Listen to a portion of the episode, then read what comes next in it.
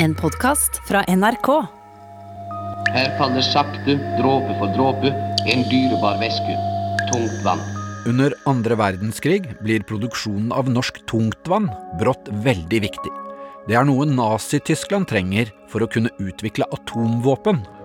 Ich brauche 5000 Kilo.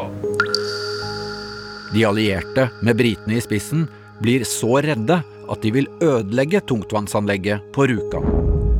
Sabotørene blir norske krigshelter. For å være sikker på at ingen fanatisk tysker skulle ha en sjanse til å spolere vårt arbeid, bestemte vi oss for å kutte luntene ned til 30 sekunder. Men hva skjedde egentlig før, under og etter tungtvannsaksjonene for 80 år siden? Fremdeles lever det tidsvitner som opplevde død, alarmer og flybombing. Og så smalt det noe kolossalt, da. Og så jo alle flyene. Det var jo svart i denne trange dalen her. Så er det jo klart 170 svære amerikanske fly. De fylte jo hele luftrommet her. Hele historien om Norges mest kjente krigsoperasjoner fra 19. mai. Tungtvannsaksjonene hører du først i appen NRK Radio.